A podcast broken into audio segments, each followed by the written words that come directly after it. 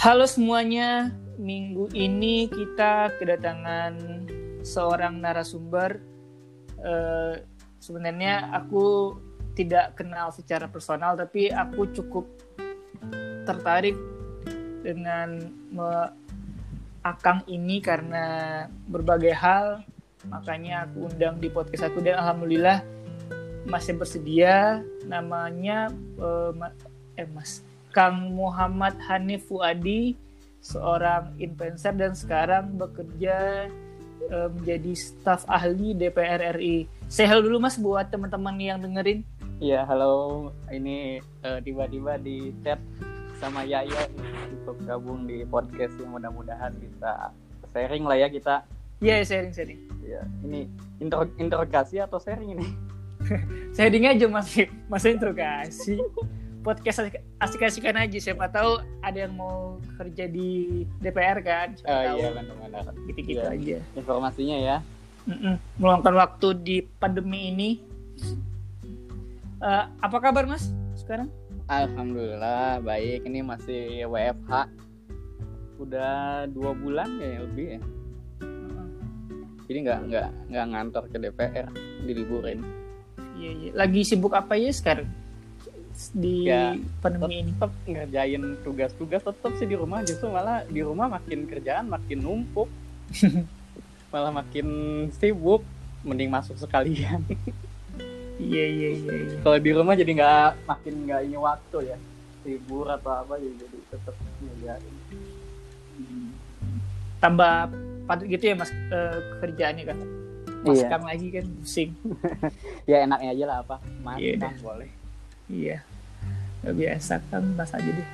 Eh, aku mau nanya nih Mas di di di awal kan Mas eh, di di obrolan kita mau di di template di template itu dibuat eh, with influencer kan ya?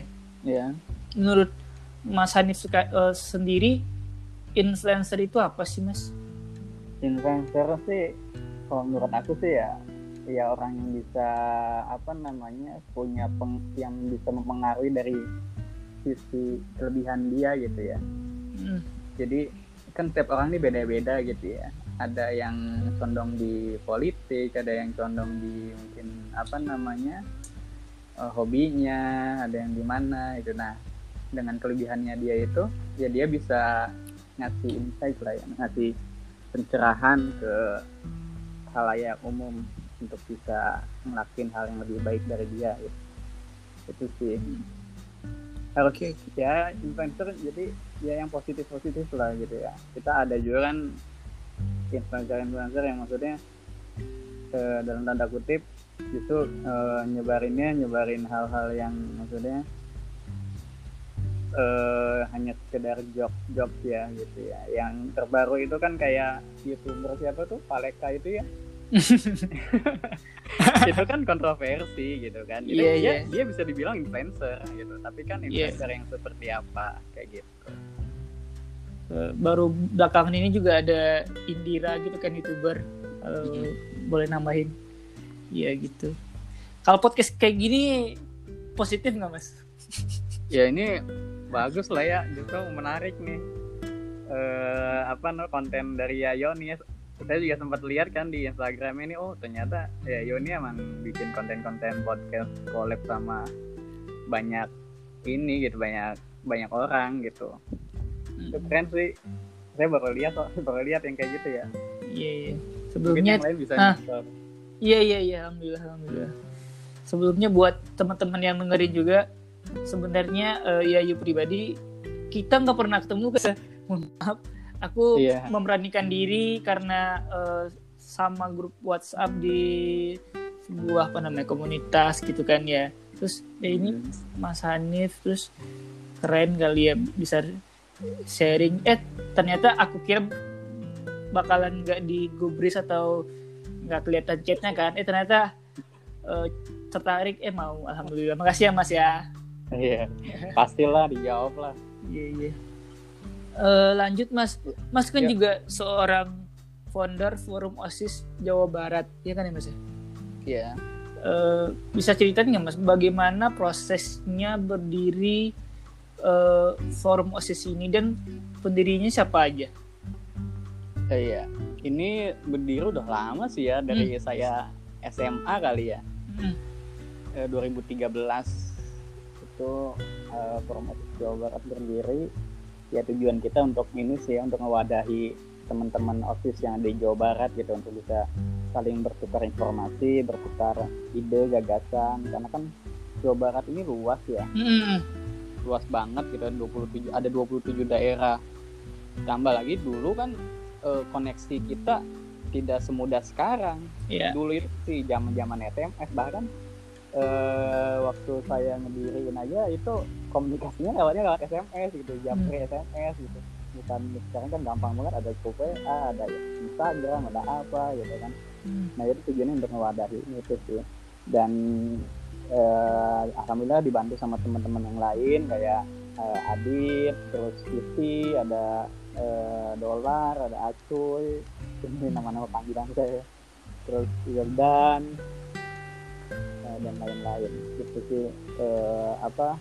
Ya akhirnya kita ngediriin sampai sekarang eh, alhamdulillah gitu FOJP tetap ada gitu walaupun memang masing-masing dari kita ini pendirinya udah pada eh, mencar gitu ya udah udah pada kerja gitu kan Hmm. jadi alhamdulillah nah, anak-anak karena kan pengurus pengurusnya itu eh, anak SMA aktif ya anak aktif yang aktif Hmm. yang masih aktif di sekolah gitu Iya. jadi ya ini tiap tahun terus ada gitu pergantian kepengurusannya dan program-programnya pun tetap sampai sampai hari ini tetap jalan gitu kayak ada program beasiswa itu FOJB tiap Hmm. tahun adain beasiswa eh, kuliah Hmm. uh, full ya biaya kuliah itu full dari mulai masuk sampai lulus itu gratis di Telkom University lewat FOJB Hmm. macam-macam lah programnya gitu yang intinya memang uh, bisa, bisa bermanfaat lah gitu untuk teman-teman uh, anak-anak SMA ini kan anak-anak SMA kita kan yang SMA tunas ya. Hmm.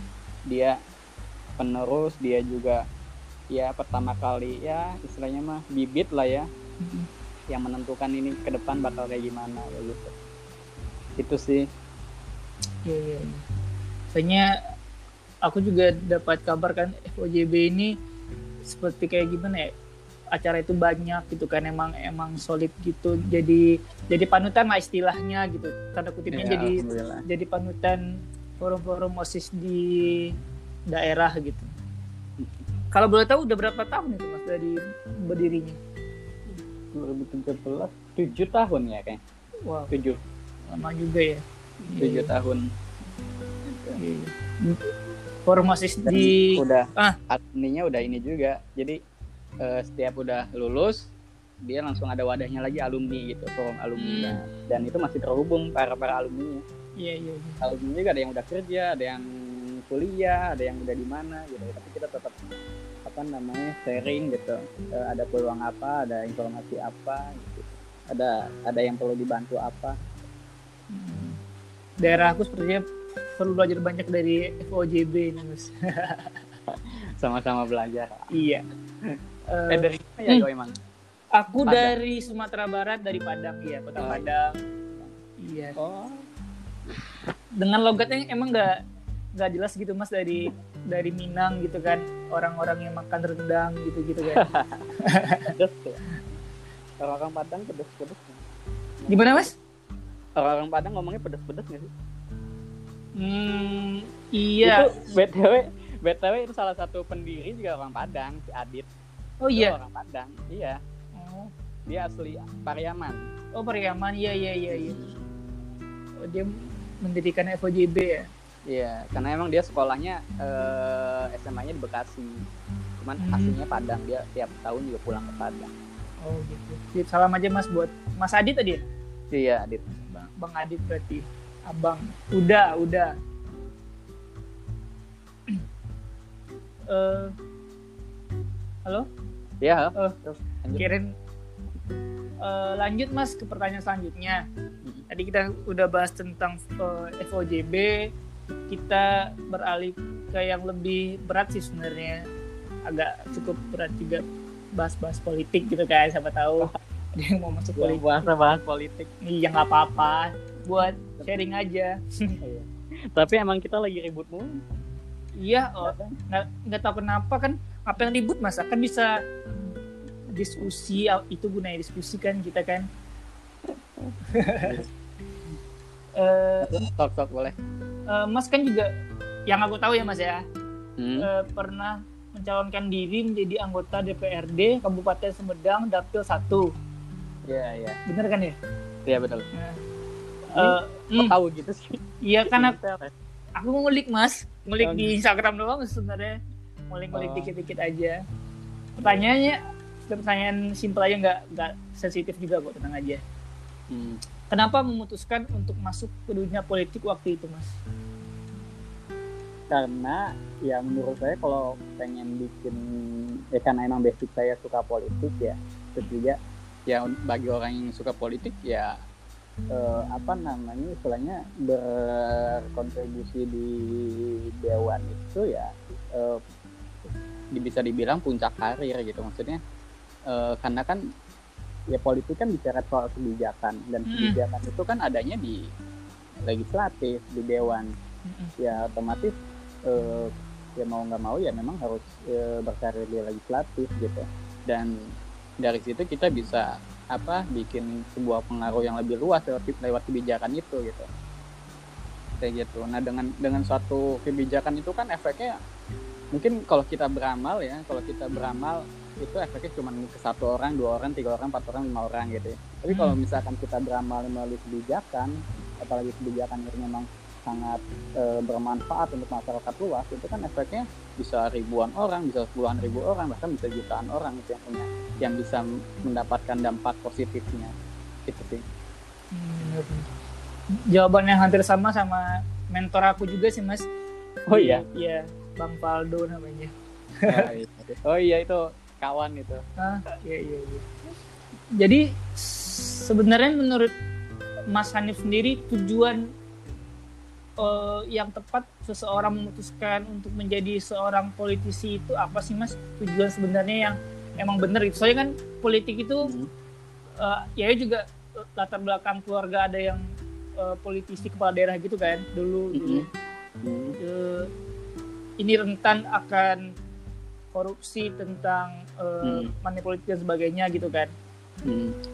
tujuan sebenarnya menurut Mas Hanif sendiri tujuan seseorang untuk memutuskan menjadi seorang politisi itu apa mas?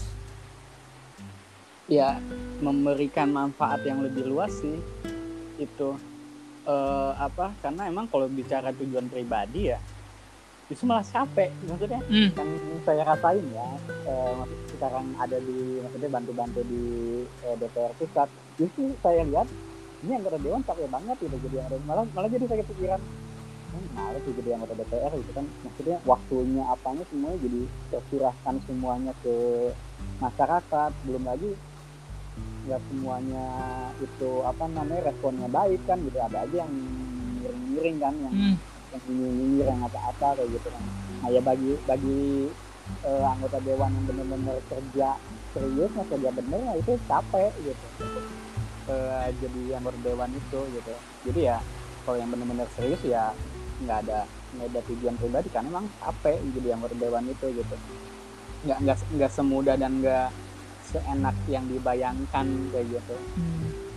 karena ya resikonya juga resiko bukan hanya pribadi keluarga gitu. Iya benar. Ada hal yang mungkin masyarakat tidak sukai gitu kan bisa kenai bisa ke keluarga kayak gitu gitu karena kan dan ditambah lagi kan masyarakat kita e, istilahnya belum ini ya kualitas demokrasi kita ini belum bagus gitu ya artinya yep. pendidikan politik masyarakat kita juga kan masih masih jauh di bawah kayak gitu kan hmm. dan itu jadi menyulitkan juga mungkin uh, para para anggota dewan ketika berkiprah kayak gitu oke oke oke. Kayak gitu sih. Ya harus harus harus siap sih gitu kan.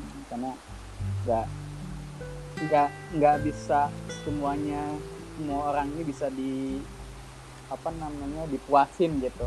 Iya iya. Kita nggak kita punya keterbatasan sebagai manusia gitu. Sedangkan kalau masyarakat kan melihatnya ya anggota, anggota dewan ya lu harus gini. Hmm. lu harus gini gini gini gini gitu kan. Nggak mau tahu kayak gitu kan. Kayak gitu hmm. Ya tujuannya harus e, menebar manfaat yang uh, lebih lebih luas sih nggak ada, nggak ada tujuan pribadi gitu hmm.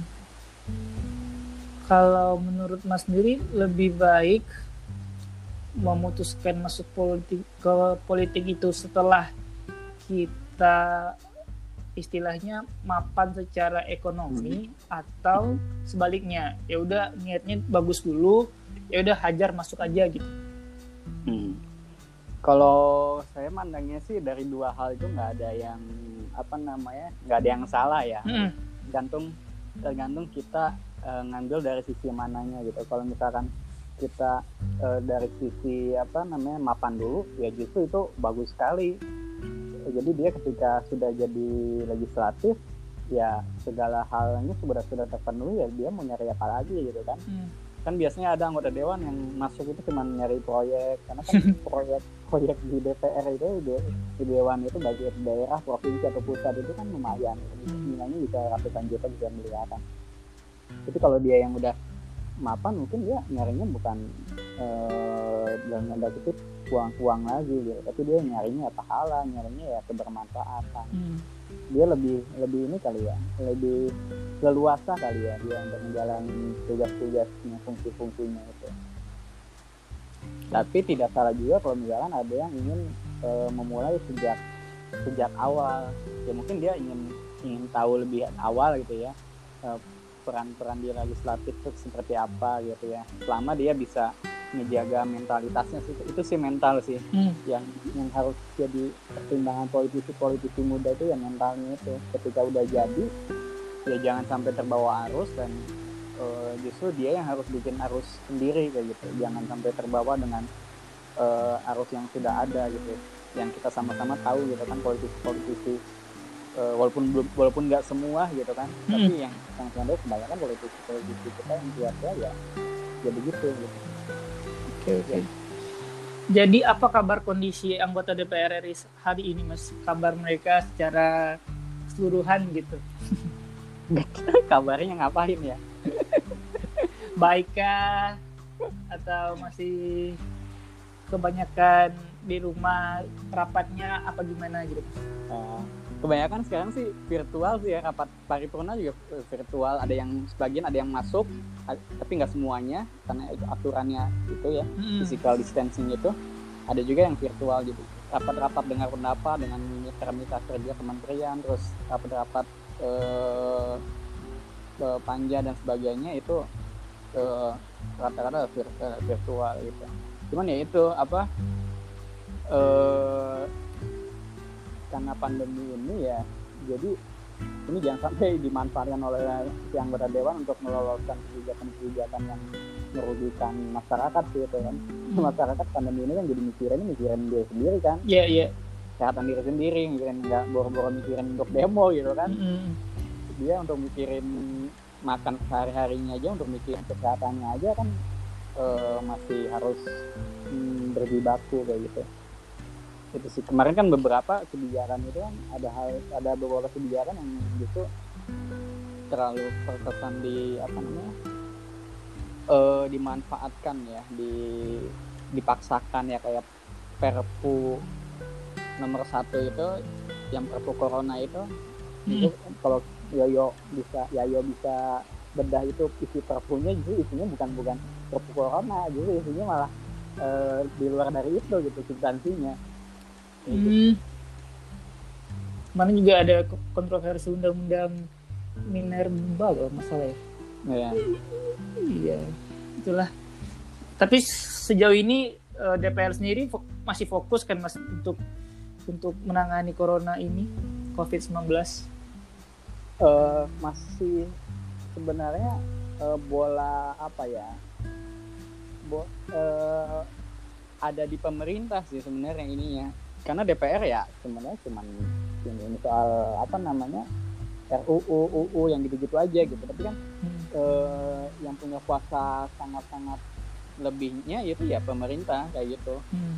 kayak gitu sih eh, sekarang ya DPR lagi eh, nyelesain apa namanya eh, program-program legislasi yang memang sudah dicanangkan karena nggak bisa berhenti jadi ini kalau hmm. ya justru kalau DPR eh, berhenti membahas apa membahas apa apa ya ini bakal jadi eh, ini ya ngaret gitu ya. Hmm. karena kan kita nggak tahu ini eh, corona ini selesainya kapan kalau kita nggak ngebahas apa-apa maksudnya nggak ada kebijakan-kebijakan apa yang bisa diselesaikan ya justru eh, nanti efeknya ke apa namanya undang-undang yang lama selesainya gitu. Kayak gitu. Ya itu sih undang-undangnya itu ada yang kontroversi ada yang benar-benar bagus ada yang ah, biasa lah Iya iya iya. Eh, kita sedikit menurun lagi tensinya sepertinya mas. Iya. Eh, bahas tentang pekerjaan pekerjaan Eh. mas di DPR RI sebagai staf ahli kan ya mas ya. Iya.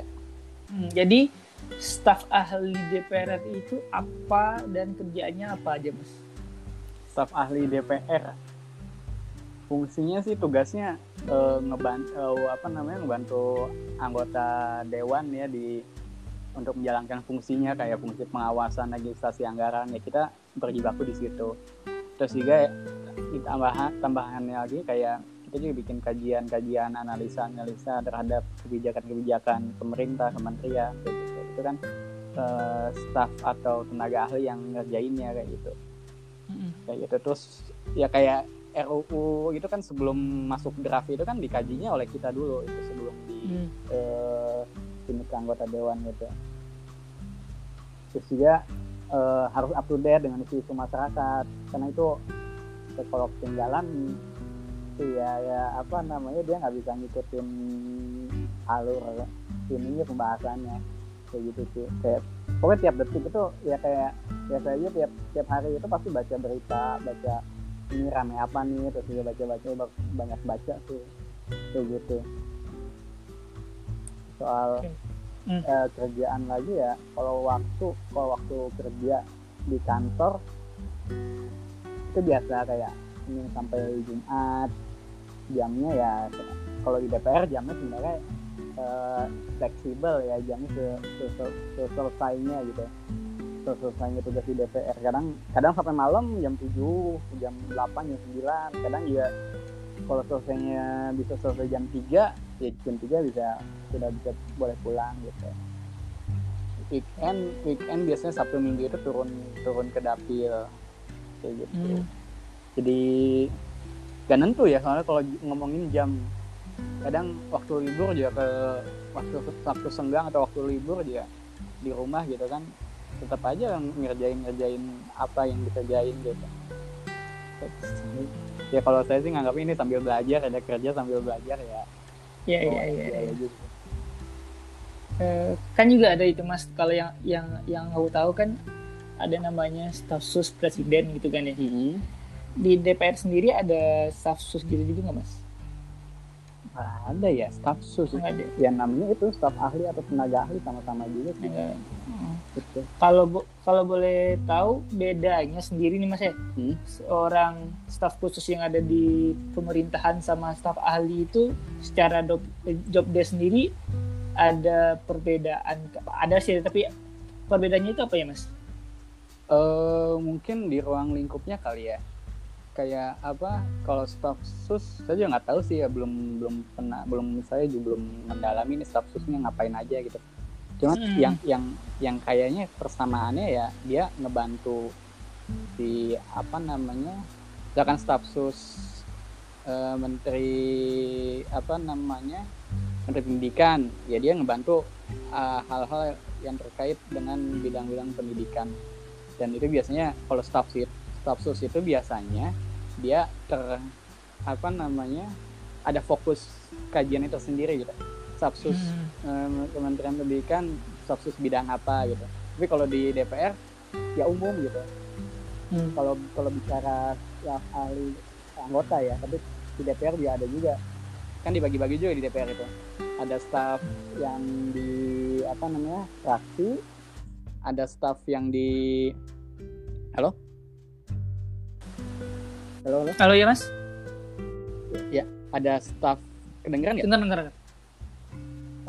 ada staff yang di fraksi ada staff yang di anggota anggota dewan ada staff yang di eh, alat kelengkapan dewan kayak bad- kayak komisi eh, kayak eh, badan-badan kayak gitu. Dan itu punya eh, co- punya fungsi kajian yang beda-beda kayak gitu kayak komisi komisi dua itu bidang pemerintahan beda dengan komisi komisi eh, 10 bidang pendidikan Hmm. gitu sih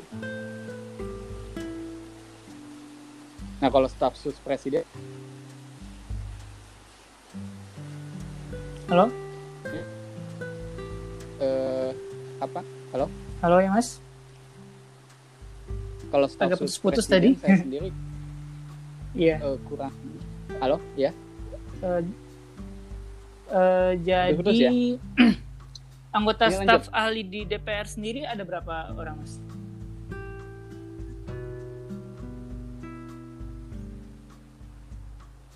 Nah, eh, di DPR itu sama negara itu per anggota dewan itu disediakan staf ahli itu tujuh. Staf ahli atau tenaga ahli itu tujuh jumlahnya per anggota itu tujuh. Cuman masing-masing anggota ini eh, di dibolehkan juga untuk menambah. Tapi kalau nambah-nambahan gitu ya bebannya ada di anggota dewannya sendiri. Nggak nggak digaji oleh pemerintah tapi digajinya oleh si anggota dewan. ya. macam-macam sih anggota dewan. Ada yang ada yang lebih dari tujuh ada yang sampai sepuluh ada yang sampai dua Iya, belas gitu. Eh, lanjut Mas, Eh, jadi proses jadi se, se- Mas Hanif sendiri dewan. dari belum jadi staf ahli sampai sudah ingkrah, udah resmi jadi staf ahli itu prosesnya seperti apa Mas?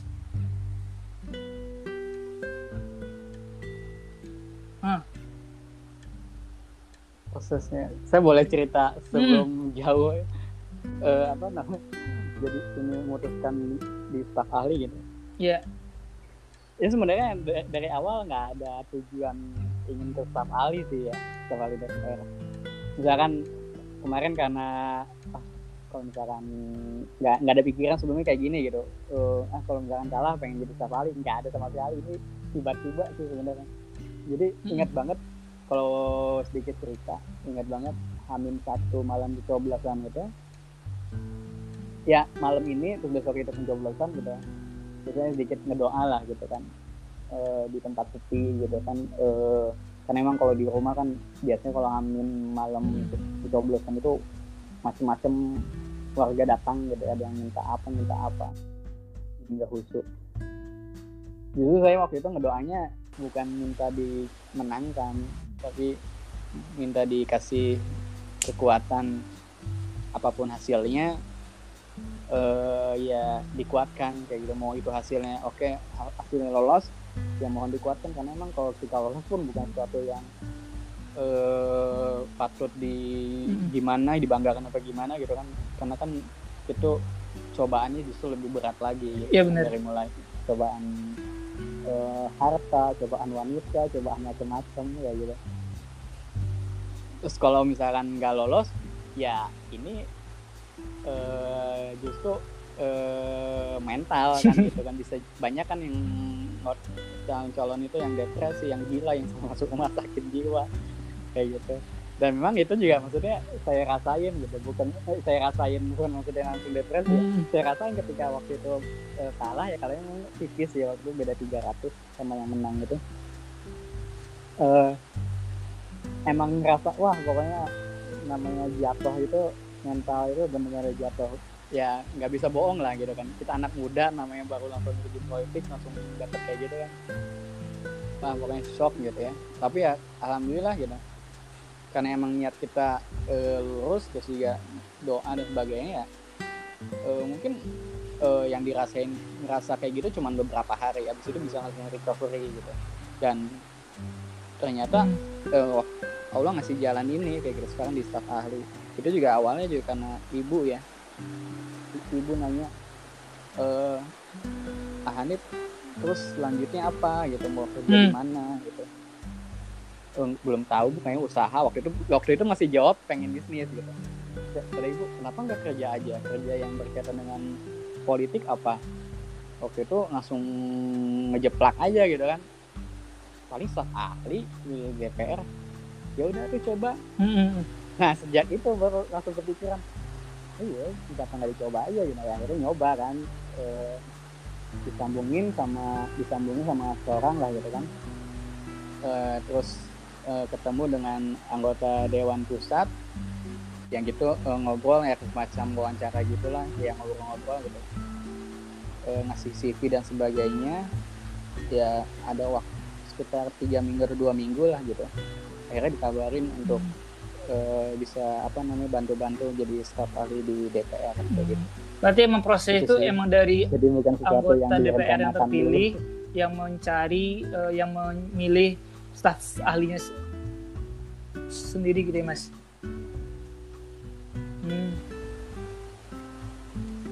Ya, ya kalau saya lewat di situ karena memang beda-beda jadi staf ahli itu jalurnya beda-beda ada yang hmm. pertama ada yang jalur perseorangan terus juga ada juga yang jalur kesekjenan jalur kesekjenan itu jalur ini nanti sekjen DPR itu biasanya suka suka ngebuka tuh uh, tiap periode baru itu dia suka ngebuka uh, lowongan itu yang jadi staf ahli itu nanti ada seleksi sebagainya. Kayak gitu. Cuman kebetulan saya uh, jalurnya ini lewat jalur perseorangan artinya langsung berhubungan sama si anggota dewannya kayak gitu. Biasanya kalau yang Nah nanti ah. itu ditugasin juga macam-macam. Ada Biasanya kalau yang lewat dari sekjen itu, Biasa, Uh, apakah Gimana? ada tahu gitu mas pembukaan pembukaan apa namanya uh, jadwal buka lowongan lowongan lowongannya itu apakah diumumkan secara resmi kah atau seperti apa mas?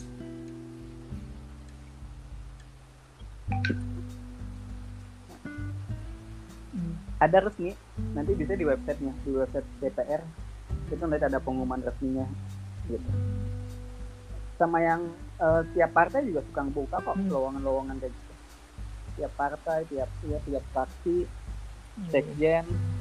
Semua biasanya juga hmm. yang buka juga lowongan di sana ada seleksi dan sebagainya itu di website DPR sih ada suka ada itu biasanya awal-awal ini ya awal biasanya awal-awal periode ya kalau misalnya periode sekarang ya kemarin itu pas bulan-bulan Oktober ya Oktober hmm. periode biasa terus juga pertengahan biasa juga ada pertengahan periode itu juga suka ada karena kan biasanya ada yang mungkin uh, setiap halinya ada yang kurang cocok ada yang uh, mungkin uh, resign ya nggak nggak lanjut hmm. karena kan ini kan kalau uh, setiap kali ini kan per, per periode yang lima tahun jadi ya kalau lima tahun itu ingin lanjut atau enggak ya uh, bisa diputuskan sendiri oleh si oleh ya, orangnya. Berarti statusnya staf dewannya ahli ini bisa dikatakan PNS kah, Mas? Kalau misalkan udah udah direkrut seperti itu, Mas? Oh, bukan, berarti.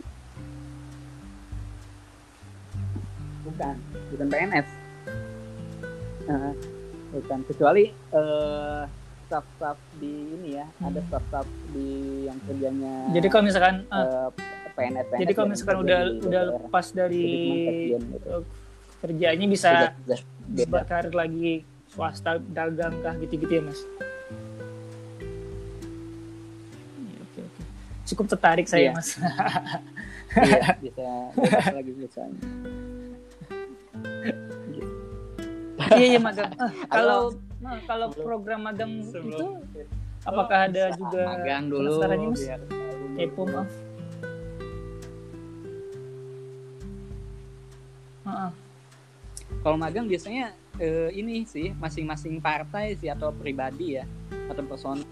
Kalau sekjen magang ada magang cuman uh, magang-magang kerjasama dengan mm -hmm. swasta atau dengan lembaga biasanya tapi kalau misalkan pribadi kayak misalkan Yayo nih uh, ingin magang nah itu jatuhnya bisa uh, ke partai ke fraksi atau ke personal siapa anggota okay. dewan. Keluar kuliah coba bisa, bisa diajuin lagi kan siapa tahu ingat. Uh, lanjut mas. Jadi kalau dari Mas Hanif sendiri. Untuk ke depannya nih Mas untuk 5, 5 atau 10 tahun lagi apa mimpi Mas Hanif untuk yang ingin direalisasikan gitu? Ada nggak Mas?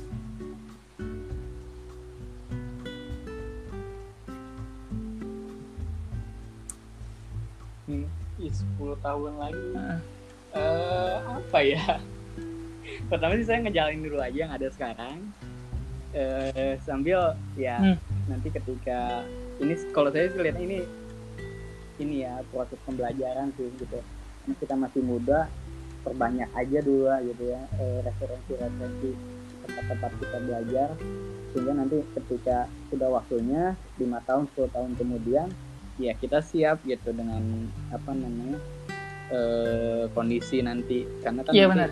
10 tahun ini kan denger-dengar dan memang iya sih kan nanti bonus demo, demo bonus demografi kan dan ini eh, luar biasa efeknya kalau misalkan anak muda eh, atau Indonesia sekarang nggak nggak nyiapin eh, sumber Hmm. daya manusianya gitu dari terus dari sekarang kita nyiapin dulu aja kapasitas kapasitas kapasitas kita fokus ke ke satu atau dua hal yang ingin kita eh, jadi apa namanya jadi fokus kita.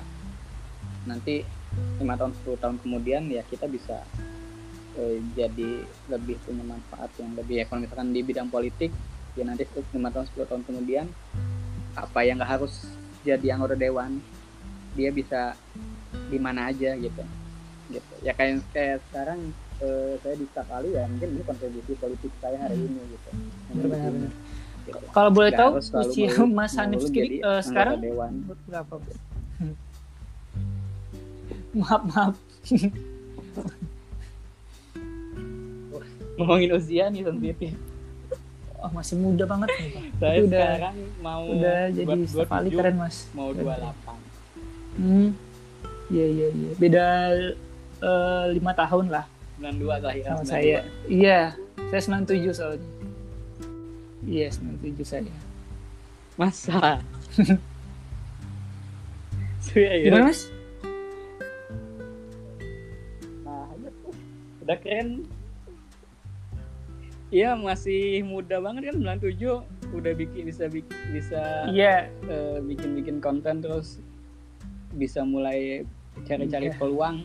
Dulu waktu waktu saya seumuran Yayo mungkin nggak tahu yang begini-begini ya iya. tentang staf ahli tentang yang kayak gitu kan kan dulu informasi informasi kan terbatas banget ya Iya. dulu mah ya. Salah satu tujuan begitu podcast ini juga orang sama sama Mas Hanif atau mau belajar dari dari siapa pun dari politisi dari dari orang yang usaha gitu-gitu mas buat belajar aja sebenarnya kalian sharing gitu kan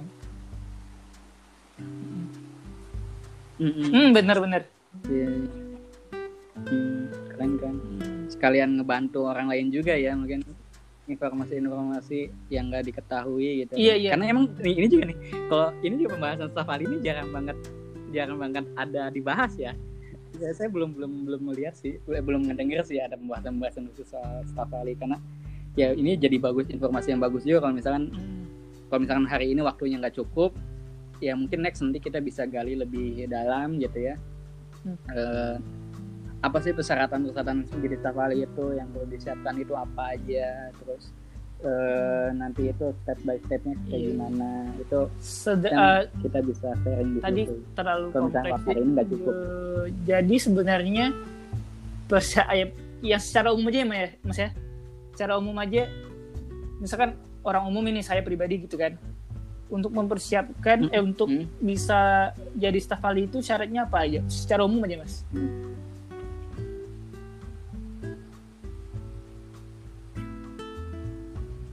Eh, minimal S2 itu S ini apa namanya pendidikan eh, minimal S2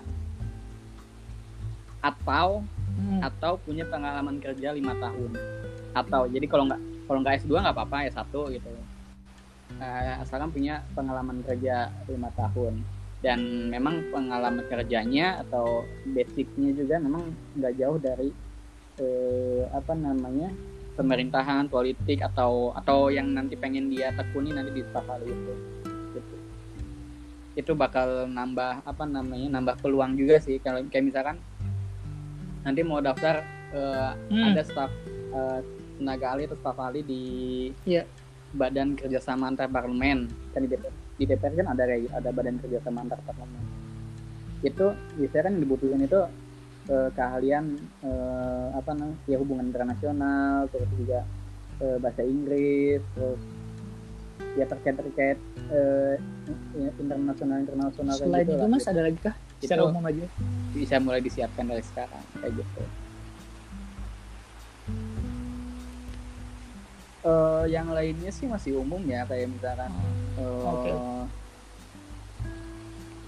Administrasi administrasi secara umum lah kayak yang PWP yang gitu-gitu gitu. kalau yang yang khususnya hmm. sih itu sih ya uh, dua terus ada pengalaman kerja uh, ya bonusnya uh, ya mungkin jaringan sih bonusnya uh, dari sekarang juga udah bisa harus dibangun karena nanti yes. uh, namanya kita kerja di DPR itu kan DPR ini kan institusi politik otomatis kita harus punya jaringan uh, yeah, jaringan yeah. yang luas juga juga pertemanan jaringan dengan siapa pertemanan pertemanan dengan ini dan itu gitu ditambah dengan kapasitas kapasitas kapasitas kita juga yang mumpuni karena percuma juga kita punya jaringan tapi kapasitas uh, kitanya juga nggak nggak apa namanya nggak sesuai kayak gitu nah, sekarang yang siap, jaringannya siap, siap. luas kan gitu sekarang kita, menarik sekarang menarik nggak bikin perbedaan gitu. uh, lanjut mas pertanyaan yang udah mau ke akhir podcast kita sebenarnya mas. Uh, ada nggak mas orang yang menjadi sosok inspirasi mas? Hmm. menjadi yang eh gimana ya? Sosok idola deh mentor atau idola dua orang aja. Ada nggak mas?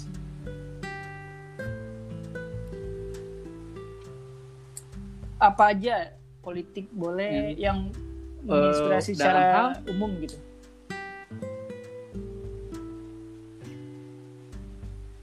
Iya iya. Di, ya, ya keluarga jelas ke. Mentor ya di luar ya. Di luar di luar keluarga ya kalau keluarga jelas. Saya sih uh, suka hmm. sama ya sekarang saya bekerja dengan siapa ini saya suka.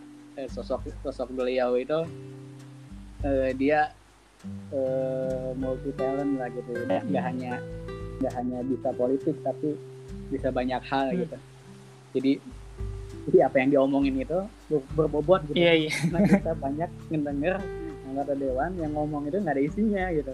Tapi uh, uh, kalau saya sama beliau ini yeah, yeah, yeah. beliau selalu apa namanya selalu selalu tekankan soal data.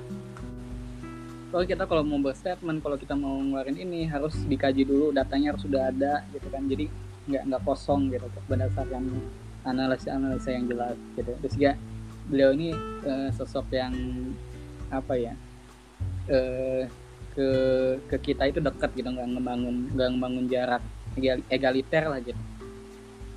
Kayak ke komunikasi ya biasa aja gitu nggak ada isu yang betul. Humble aja gitu ya anggota dewan itu bos atau itu apa kayak gitu. Uh, orang kedua mas? Humble oh, ada? humble sih kayak gitu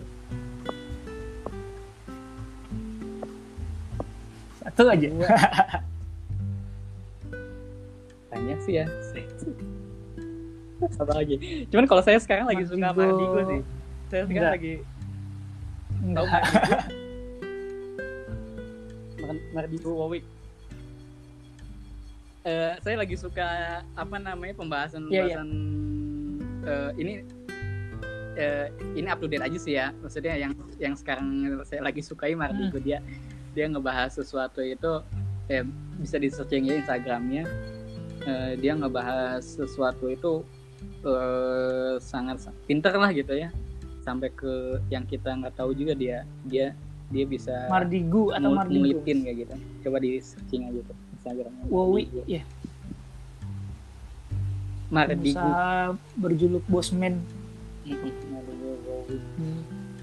Bosman Sontoloyo iya nah ya Bosman hmm. iya itu keren tuh pembahasan-pembahasan video-videonya ini untuk temen-temen nih untuk uh, barangkali butuh pencerahan-pencerahan tentang hmm. kondisi dunia hari ini, kondisi apa pun ekonomi, politik, okay. semua usaha itu gitu ya. dia enak banget ngebahasnya. Oke, okay, siap. Lanjut Mas uh, nih. Hmm. Aku mau iya ya mau minta gimana ya, saran rekomendasi gitu.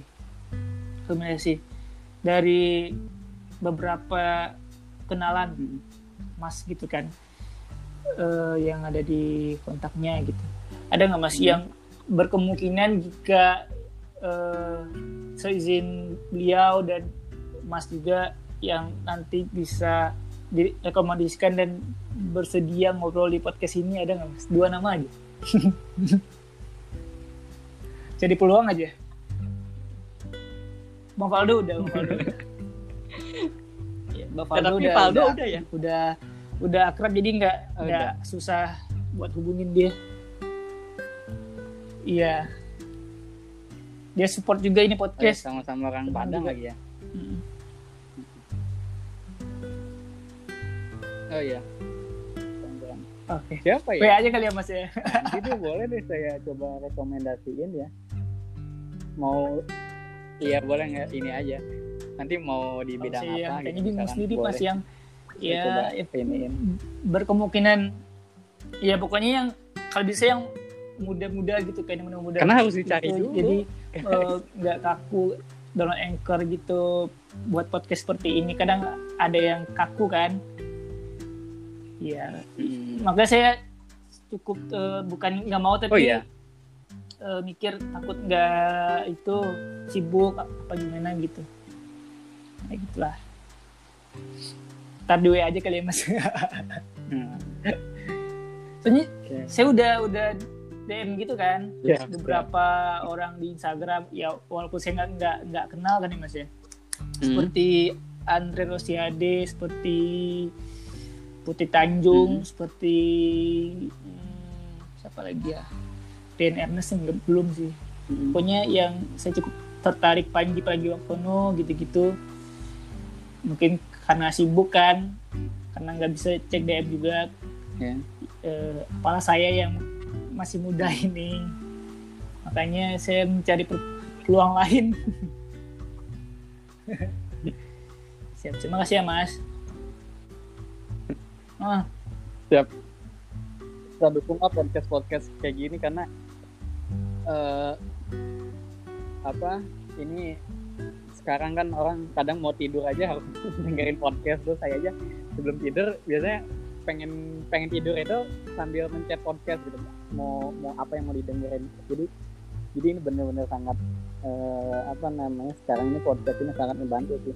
Makin banyak konten makin banyak eh, istilahnya mah eh, pembahasan-pembahasannya ini makin memudahkan orangnya khususnya anak muda ini walaupun untuk kalau boleh jujur emang nggak nggak se happening kalau misalkan saya buat kontroversi apa gitu kan nggak nggak seheboh itu tapi ini eh, idealisme yang saya yakini untuk membantu teman-teman yang kepo akan sesuatu, sesuatu hal public figure atau kerjaan apa pun gitu. Nanti itu aja sih mas, Ses- sesimpel itu aja.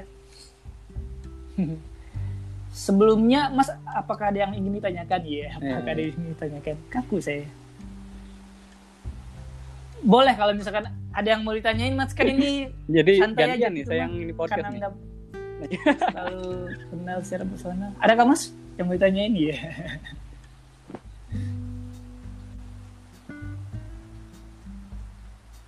apa ide ide Yayo Iya iya. Eh, awalnya apa nih ya? Ada munculan kalau kalau manfaatnya udah jelas ya ini bisa informasi sendiri. Tapi yang kepikiran awalnya gitu Yayo oh iya, kayaknya asik nih bikin Nyam- podcast. Nyambungnya ke Terus di- Spotify, ini, ini Google nyambungnya ke Podcast, Instagram atau Apple Podcast. Kalau di Instagram saya cuman cuplikan gitu aja mas di IGTV kan. Beberapa menit doang diambil terus dimasukin ke IG IGTV selebihnya di Spotify dan, dan kawan-kawannya. Mm. Nah apa awalnya Eh, Hmm. atau Yayo emang Mm. istilahnya oh ini lagi rame podcast ya coba kita bikin podcast gitu kan Iya. atau gimana Awalnya itu ada sebenarnya eh, karena saya bikin juga mengkonsumsi eh, seperti podcast seperti ini atau yang ada di YouTube gitu kan ya mas ya obrolan-obrolan siapa aja gitu terus sebenarnya udah u- udah lama kepikiran tapi Hmm. nggak nggak terrealisasi karena Hmm. alasan mungkin ya alasan sibuk kuliah dan sebagainya nah saat pandemi ini kan di di rumah aja Hmm. selain kuliah saya mikir kan ini mau mau ngapain ya mau mau Hmm. kerjain apa ya yang positif positif gitu kan eh kepikiran mau buat podcast makanya saya ngulik dulu uh, buatnya di mana pakai apa terus saya editkah apa gimana gitu kan uh, makanya namanya itu Oya Talks mas itu Hmm. uh, sederhananya saya awal ini sama Jia mas Fauziah anak FOJB juga dan awalnya ya benar-benar betulan Oh iya. Eh, kita ngobrol yuk Dokteran buat ya? edukasi pribadi saya nambah pengetahuan buat bantuin teman-teman juga iseng iseng sebenarnya terus ngulik eh, apa kayak apa? Eh taunya ada anchor yang yang eh, record di sini publish di sini bisa ke semuanya Spotify dan sebagainya. Tuh. Selain itu tujuannya nambah obrolan yang nggak pernah ngobrol seperti sama Bang Faldo gitu kan Mas. Udah lama nggak ngobrol sama Bang Faldo karena beda jarak juga. Dia Hmm. dia sekarang di Jakarta asik ngobrol nambah-nambah relasi juga kadang mikirnya gitu aja sih pikiran-pikiran polos Hmm. Jadi hmm, iya iseng iseng siapa tahu iseng, dapatkan iseng peluang berbuah karya. ya. lain gitu Iya. Mm, mm, mm. Jadi kaum kaum rebahan juga harus bisa bikin perubahan gitu ya. Iya, Karena iya. kan ini bikin podcast ini kan Kalau saya sih nggak nyantai sih, gitu Mas. ya. Nyantai duduk dengan rapi biar fokus pikirannya kalau rebahan takutnya malah ngalor ngidul kan ngalor ngidul kan center ngomong yang aneh-aneh malah tangkap polisi kan nggak lucu mas di konsepin aja itu makanya saya nggak mau edit, edit karena saya mikir Iya. secara manusia itu sebenarnya udah bisa ngedit omongan dia sendiri apa yang mau dikeluarinnya udah dia tahu makanya nggak ada edit sama sekali ini podcastnya mas. Be- belajar ngomong juga sih sama orang. Mm-mm. ada lagi kah mas yang mau ditanyakan? Udah. Udah sih. Agak udah.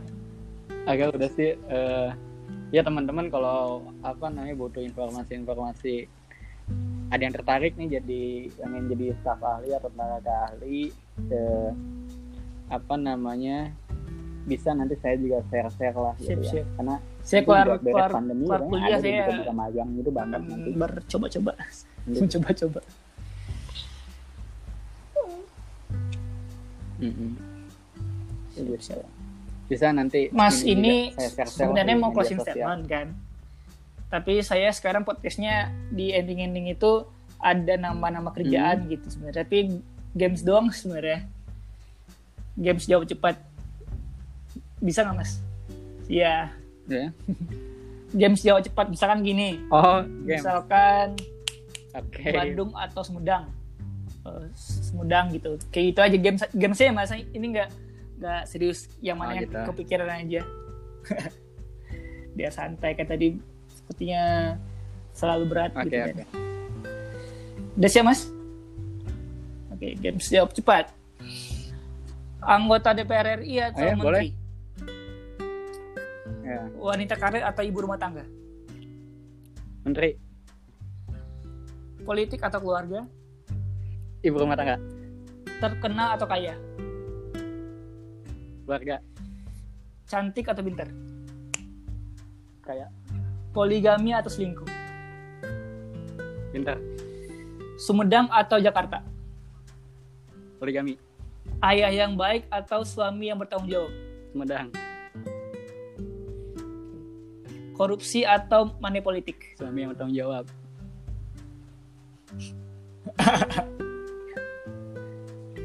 Eh, games Jawabannya mas. sama-sama ini dua-duanya nggak benar Oke. oh Iya. iya apa money Iya. politik Jadi ini games ini nggak nggak nggak akan Nggak serius-serius juga banyak kan ya. pilih-pilihan lucuan aja mas. Eh, yang terakhir pilihannya iya iya PSBB diperketat atau PSBB dilonggarkan. Oke, gitu aja mas game jawab cepatnya. Buat hiburan di akhir-akhir podcast kita. Cuan kan. Pilihannya juga sulit. Itu sulit ya mas ya? Antara Iya, korupsi iya. atau money politik. Iya sih bener. Iya bener. Ya namanya saya mas. aneh-aneh aja poligami. ngasih pilihannya kan namanya games. Seru-seruan. Eh, oke kita lanjut ke bagian akhir dari podcast kita mas yaitu closing statement dari Mas Muhammad Mas Kang Ya. Muhammad Hanif Wadi seorang staf ahli DPR RI dipersilakan. Mas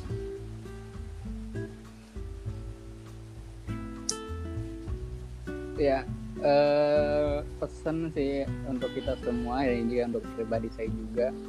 Eh, terus belajar.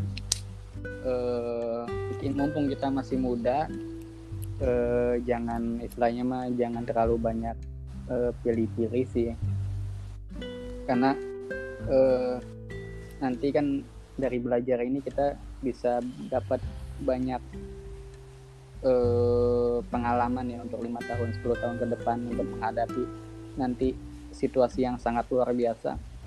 Eh, banyak prediksi 10 tahun ke depan itu ini eh, persaingan itu begitu begitu, begitu ketat. Bukan lagi persaingan dengan teman bukan lagi persaingan dengan orang yang sedaerah tapi kita persaingannya udah persaingan eh, dunia gitu antar negara. Eh ya terus belajar di mana pun karena kita juga nggak tahu nih nanti eh, Allah bakal ngasih kita jalan yang seperti apa gitu kan. Saya juga kan dulu nggak ada cita-citanya ingin jadi staf ahli tiba-tiba eh, Allah ngasih peluang belajar di sini kayak gitu sih. Dan terakhir eh, dari sekarang juga udah bisa eh, harus sudah mulai fokus ke mungkin dua hal yang bisa teman-teman fokus pelajari gitu. Misalkan contohnya gini misalkan eh, pilih satu yang utama satu lagi ini yang bisa dibilang eh, sambilan gitu ya. Kayak misalkan saya contohnya sekarang eh, saya kerja nih di staf ahli tapi saya juga satu lagi Hmm.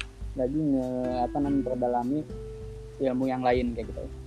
Saya sekarang lagi lagi di staf ahli saya juga lagi belajar misalkan belajar tentang fotografi Hmm. belajar tentang eh, apa namanya kok bikin konten atau belajar tentang eh, media sosial sebagainya. Itu nanti juga eh, bakal punya fungsi yang lebih sih gitu. Karena ada contohnya gitu. Ada temen ada contohnya juga misalkan ada teman kerjanya mah di A gitu karena dia punya kelebihan di fotografi justru malah eh, bisa nambah pengha- penghasilan yang lain dari situ gitu. ketika yang yang A ini misalkan dia di PHK atau resign dia punya eh, keahlian di yang lain gitu. Karena ini kan sekarang dunia ini makin nggak nggak nentu yang nggak jelas gitu kan. Kita aja ini tiba-tiba pandemi tiba-tiba corona kan semua buyar gitu kan. Ini udah mengacaukan semua sistem kan gitu. Nah tapi bagi orang yang udah siap eh, dunia ini apa namanya nanti itu bakal kayak gimana dia eh, siap apa namanya siap ngejalaninnya gitu dengan kondisi apa pun kayak gitu. Gitu sih. Corona ini jadi jadi hikmah juga sih untuk kita menyiapkan segala sesuatu. Udah mas. Sejak sejak Udah. dini. Oke eh, itu sih. makasih banget ya mas sudah mau gabung Ya. di podcast Yayo yang mas sendiri sebenarnya kurang kenal juga ya. Siapa ini si Yayo? Kok tiba-tiba WA WA saya ngajakin ke podcast gitu. M- makasih banyak ya mas. Maaf kalau misalkan ada kata-kata aku yang Iya, kurang sopan Iya. apa gimana atau ke ke, ke bawa eh, aura-aura Sumateranya kan yang ya. cukup keras apa gimana gitu. Takutnya takutnya kurang sopan gitu kan. Maaf maaf ya mas. Eh, salam buat keluarganya mas. Mohon maaf lahir batin juga. Mau lebaran semoga kita sehat-sehat. Semuanya amin. Makasih juga buat teman-teman yang udah dengerin podcast kami. Eh, sekian kami pamit Eh, makasih mas sekali lagi. Oke oke. Assalamualaikum mas. Ayo. Bye.